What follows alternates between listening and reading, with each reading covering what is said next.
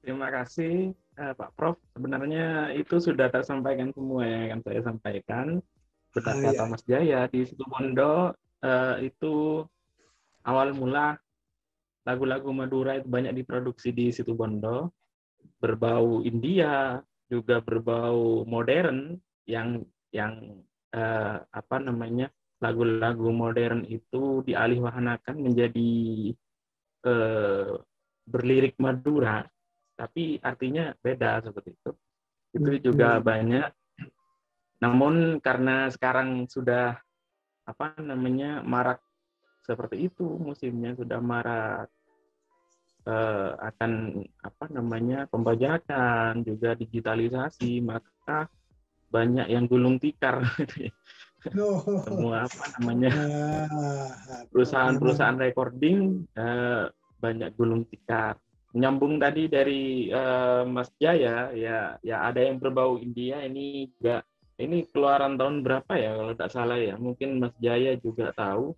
Ini ini saya juga punya karena saya dulu memang kalau ada lagu Madura bapak saya itu langsung beli VCD-nya itu ini ini dari lagu Madura yang diubah eh, lagu Madura yang dari lirik India diubah menjadi lirik Madura. Ini saya sangat hafal ini lagu tabla India iya, sekali. kalau tidak salah ya ini ini syutingnya di sekitar rumahnya Mas Marlut eh, Mas Lutfi nih sepertinya kalau saya lihat ya. jangan-jangan Mas Lutfi ikut itu Mas? Bisa bisa. Ini yang berba apa namanya dari lagu India. Memang Prof. Lagu lalu digubah menjadi lirik Madura. Seperti itu. Barusan saja tahun 2000-an mungkin ini. Saya juga lupa. Ada yang juga dari lirik India tapi agak lama yang tadi karya Espandi. Ini sebenarnya saya banyak uh, tapi ada di gudang itu sudah. Karena tidak musim lagi VCD ya ini juga dari yang India itu dok. Eh, yang Prof ini dari India. Terus iya, iya, iya. ini ini yang uh, yang modern yang uh, dari lagu modern seperti Ngirong deh.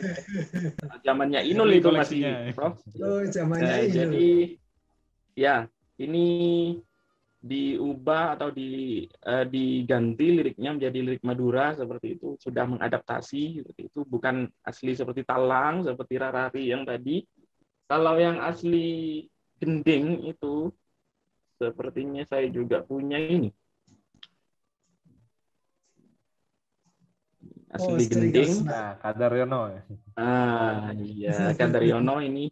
Nah, juga berbahasa Madura, namun di sini bahasa Maduranya banyak kosakata-kosakata yang memang di Madura sendiri mungkin mungkin mungkin masih uh, asing ya.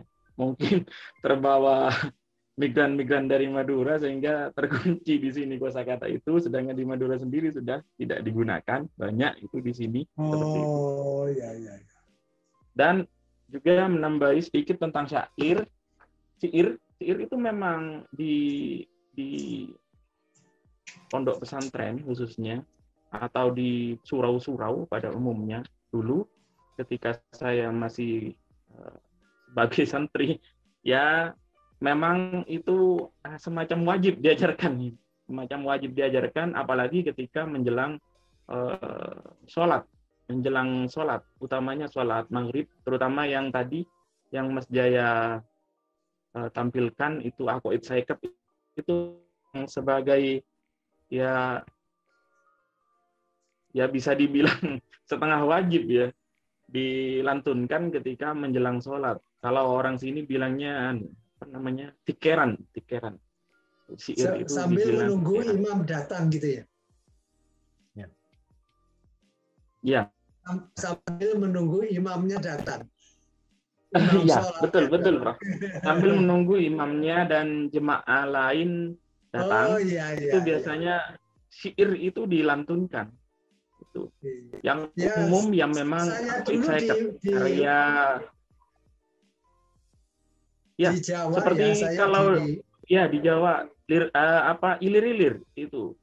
Ilir-ilir itu seperti itu, Prof tombol ati itu. Nah, iya, seperti ya, itu semacam ati juga ya, dialunkan juga. Terus ya, sebenarnya Abu Nawas sih. Sairnya Abu Nawas. Ya, betul. Sebetulnya dulu memang banyak cerita orang mate itu syair. Oh, itu memang digunakan untuk ias ya ber, berdakwah segala gitu gitu.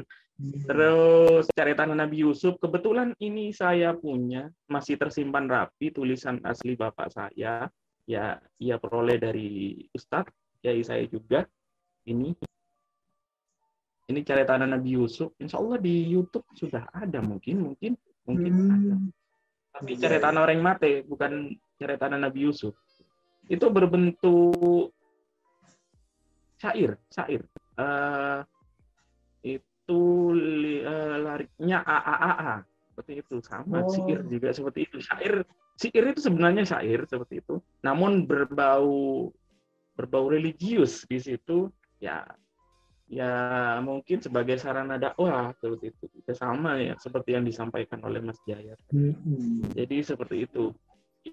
Mm -hmm. Di daerah saya memang aku excited itu masih digunakan sampai sekarang aku excited itu masih digunakan masih digunakan karena itu setiap surau pasti diajarkan kalau saya masih santri dulu itu diajarkan memang iya saya kan wajib tahu ya.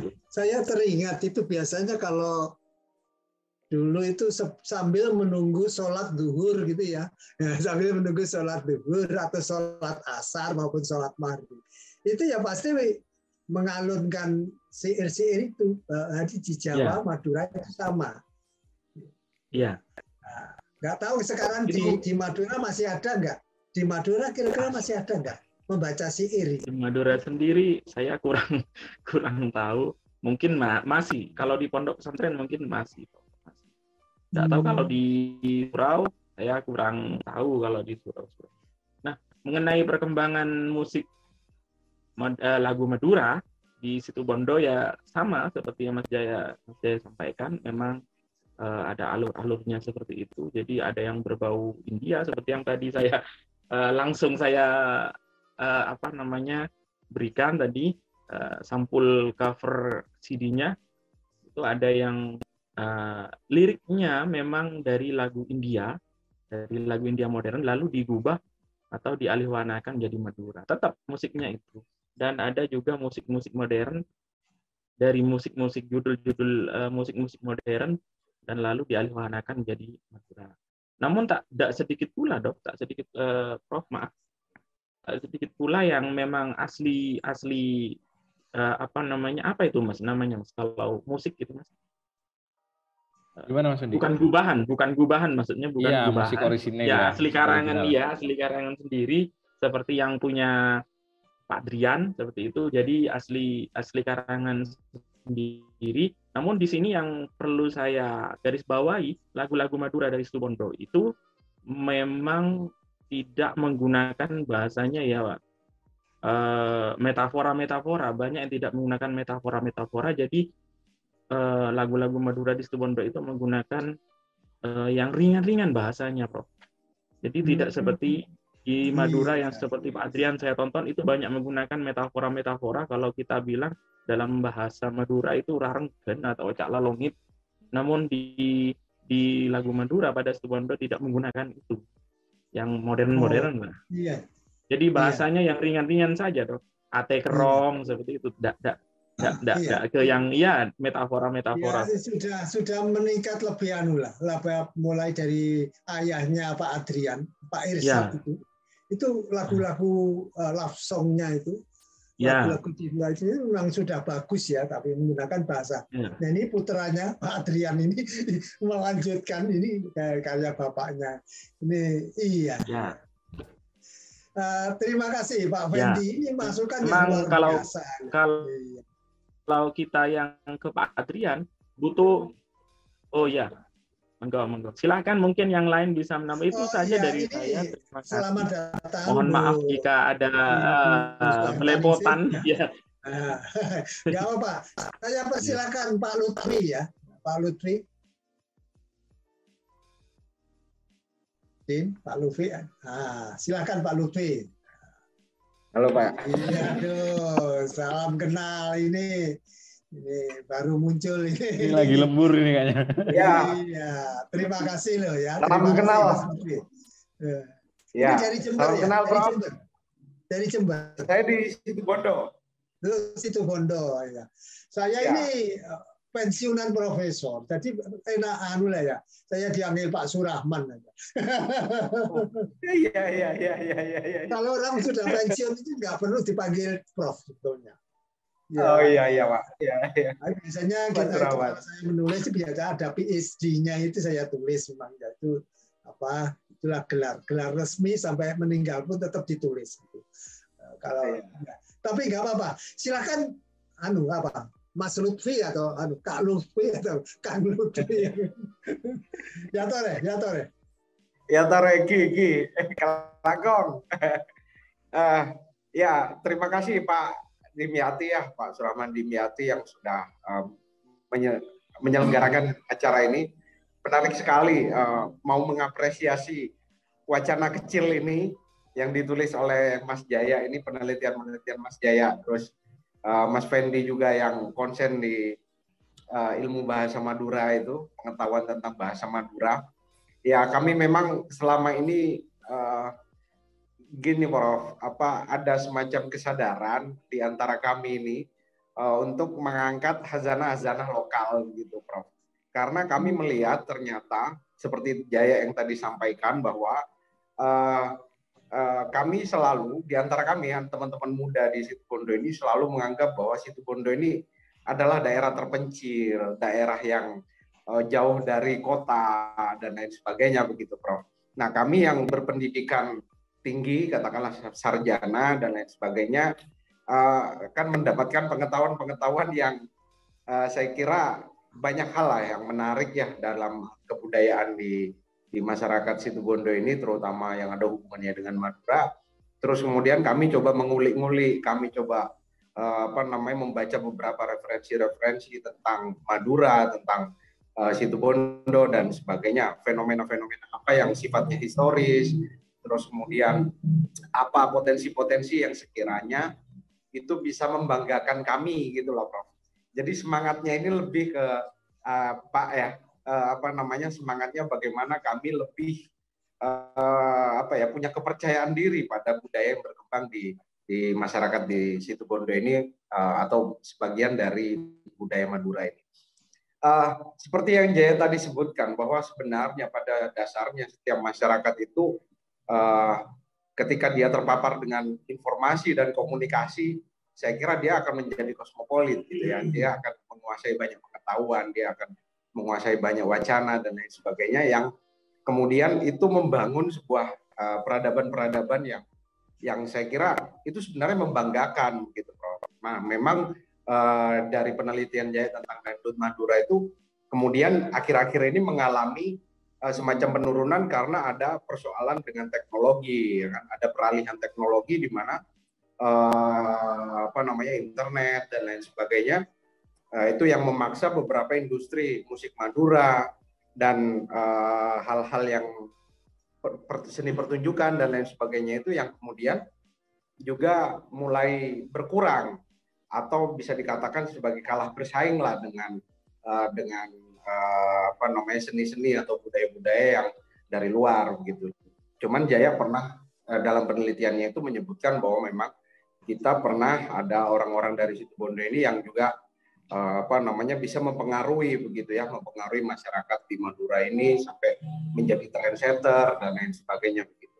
Nah, saya kira ada satu teman yang saya lupa namanya. Dia youtuber, Pak. Jadi youtuber ini sudah dia berbasis musik ya dengan penggarapan yang sangat baik. Eh, kemudian dia bisa menjadi mandiri dengan YouTube-nya itu dengan memproduksi eh, apa namanya musik-musik yang eh, dia bisa mengambil genre apa pun, misalkan dari reggae, dari ini dan ada unsur bahasa Maduranya, begitu ada. Kemudian ada tempat-tempat yang tidak jauh dari sekitar kita ya kan, seperti kayak Ya, saya, tadi saya tertarik dengan ini. Mas Lutfi ini. Sebetulnya pernah saya rundingkan dengan Mas Jaya ini. Kita ini kalau pakemnya pakem mati, ya ketinggalan zaman. benar, benar. Saya pernah mengatakan, ini kita ini kan ya Madura begini. Gimana kalau dikeroncongkan? Bagaimana kalau diregikan tadi?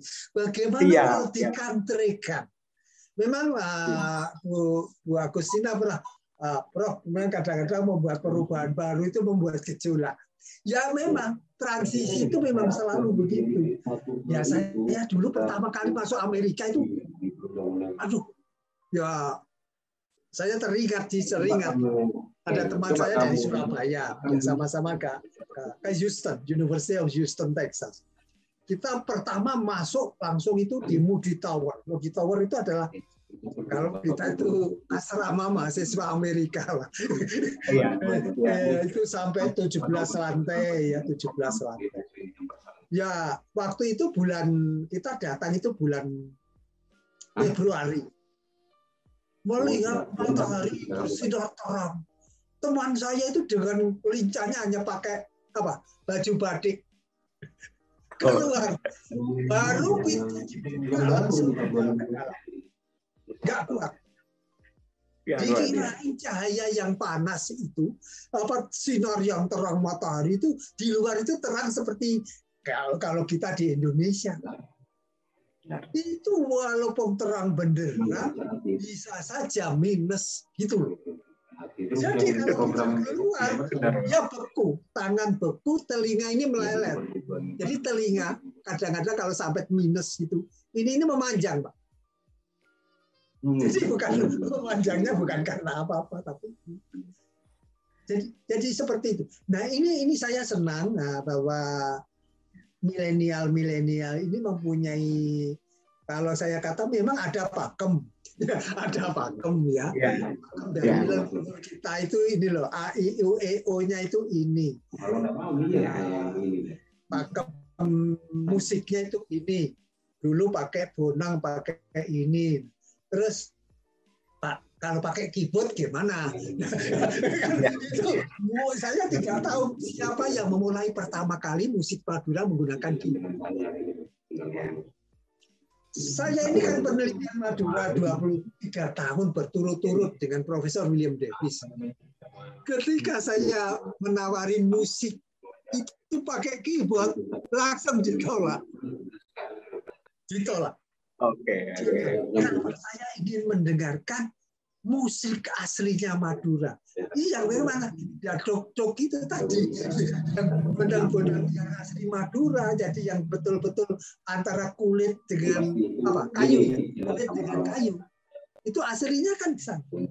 Jadi ketika saya tawarin musik, sebetulnya musiknya pengarangnya juga pengarang Madura juga, tapi sudah menggunakan gitar gitu ya.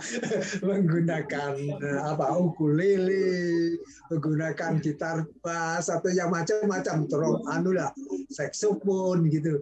Nah ini kan sebetulnya inovasi inovasi dari pakem-pakem lama tapi ya itu itu itu silakan saja ya. Kalau saya itu silakan saja kita itu berkolaborasi. Kalau kita itu tidak mau berkolaborasi, nah terus musik Madura ini kapan sih bermadura ria di Amerika? Loh, kami kan menunggu, kami kan menunggu orang Madura ini pindah ke Amerika kalau perlu. Jadi kalau situ pondok, satu situ pondok pindah, misalnya saja loh Iya, iya. Apakah mungkin? Itu apakah mungkin? Amerika itu negara bebas. Kalau kita punya proposal yang jelas, paket yang jelas, siapa orangnya, detailnya dilampirkan, bisa Pak? Bisa. Kota bisa. Makanya sampai di di Iowa, di Iowa, di Iowa City ini, saya kalau nyopir kurang lebih 30 menit ada kota yang namanya Moskow. Moskow itu kan kota di Rusia. Ibu kotanya Rusia. Jadi ternyata orang Rusia itu beramai-ramai ke Amerika. Kapan mulainya? Ketika Gorbachev itu. Jadi eh, Soviet apa, apa dulu kan Soviet ya. Namanya kan Soviet dulu ya Sovietnya rontok, Orang Rusia lari ke Amerika besar-besaran. Amerika, ya nggak apa-apa. Pokoknya yang masuk orang yang baik-baik. Jadi masuk Amerika itu Amerika saringannya satu pinter-pinter. pinter-pinter. Terus baik-baik. Jadi kalau ada rekod kriminal, pasti ditahan Pak. Pasti ditahan. Ada rekod kriminal ditahan. Apalagi tingkat nasional ya. Jangan harap bisa masuk Amerika. Pernah melakukan apa penipuan data. Nah ini saya sampaikan sambil memberitahu juga. Saya akan mengajak teman-teman. Ini bumi Allah ya. saya katakan saya bukan provokasi untuk pindah ke Amerika, tapi ini bumi Allah, ini halal. Mana yang mengharamkan tinggal? Maka kita hijrah ke mana pun boleh, asal itu legal. Jadi ingat, diingat, saya tidak mengajak yang ilegal, saya tidak setuju. Saya itu memulai dari awal orang yang sangat mendukung patuh dengan aturan. Aturan lokal diikuti, adat istiadat lokal diikuti, adat orang lain juga kita ikuti. Jadi kalau kita ke Amerika, budayanya Amerika antri jangan coba-coba nyerobot, Pak. Jangan coba-coba nyerobot antrian. Ya. ya orang orang sini orang sini mengatakan itu tidak marah-marah kepada bapak enggak marah. Coba bilangnya begini, un-American. Gimana? Itu kalau sudah dibilang un-American, itu kalau orang sini itu sakit hati, Pak. Kalau dulu saya waktu di Jawa ya, kalau tika lakunya nggak sempurna, ora Jowo leko. Ya kan? Ora Jowo. Jadi orang Amerika menggunakan istilah yang sama. Kalau ke sesuatu yang tidak mengikuti adat istiadat Amerika, itu dibilangnya bukan tidak sopan, tapi dibilangnya un-American. Um, iya, uh, seperti yang dikatakan uh, Prof apa Surahman Dimyati tadi ya terkait dengan apa namanya uh, kreativitas gitu ya untuk tidak uh, terpaku dengan pakem. Sebenarnya kita bisa belajar dari uh, para senior ya. Kalau saya mungkin bisa belajar dari para seniman Al-Badar itu ya. Jadi iya, iya. seniman Al-Badar itu pada pada masanya itu, pada eranya itu barangkali bisa dianggap gila juga, Bro. Karena pada masa itu ya seni-seni tradisi yang ada di uh, wilayah kami itu ya masih tradisional sebetulnya ya. Karena iya. masih berbarengan dengan dengan apa namanya uh, itu pada waktu itu orde baru kan uh, punya ini masing-masing ya apa namanya kelompok-kelompok uh, lekra kemudian. Jadi itu awalnya les bumi gitu. Lekra kan dengan dengan ketoprak dan ludruknya gitu. Jadi les bumi ini menggunakan itu menggunakan al badar itu. Pada masanya itu dianggap gila juga barangkali. Karena seperti yang dikatakan uh, Prof. Surahman Dimyati tadi ya. Lagu Madura pakai gitar. Nah, itu sudah dilakukan di tahun 1950 itu, Prof. ya, uh, yang Al Badar tadi ya? sebenarnya mereka sudah ya 50. Sudah 1950 menggunakan sampai, instrumen tadi ya, iya, modern ya. Iya, modern. Itu bisa dikatakan juga uh, uh, pembaru juga ya kalau di tempat kami ya bagaimana mereka bisa mengapropriasi referensi ya terutama dari bioskop itu budaya populer itu diserap kemudian uh, diterjemahkan dengan ekspresi yang lokal gitu ya. Ada Indianya ya ada Arabnya gitu. ya ada uh, Tionghoanya gitu. Ya begitulah gitu. Itu kan sebetulnya realitas ya realitas yang bisa ditangkap gitu oleh orang-orang lokal. Gitu, gitu. Uh, saya kira begitu saja Pak Jaya. Uh, Pak Jaya Pak Jaya bisa menyimpulkan satu dua kalimat silakan. Uh, ya nggak boleh iya, jadi silakan. Pesan-pesan apa yang ingin ditawarkan pada teman-teman masyarakat dunia ya? Bukan hanya masyarakat Madura masyarakat Indonesia dan masyarakat dunia bahwa inilah uh, musik Madura yang ternyata juga bervariasi dan seterusnya. Ya, saya pikir apa kita bisa banyak belajar ya dari apa dari leluhur kita ya, eh, khususnya ketika mereka mengekspresikan lewat lagu gitu. Artinya iya. lagu itu tidak hanya sekedar sebagai sebagai apa namanya sebagai pemuas uh, hasrat kesenangan ya, tapi di dalam lagu kita bisa melihat ada daya gitu.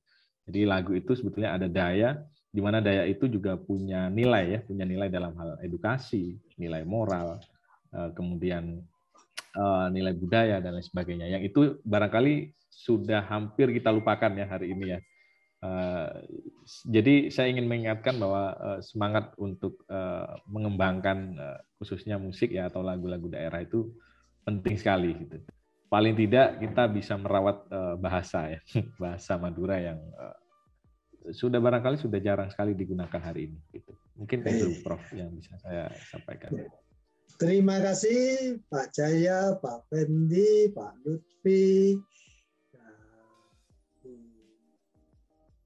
Hatta Baningse dan Pak Hafid juga semua yang Eh, atas partisipasinya. Insya Allah kita sambung hari Sabtu malam yang akan datang.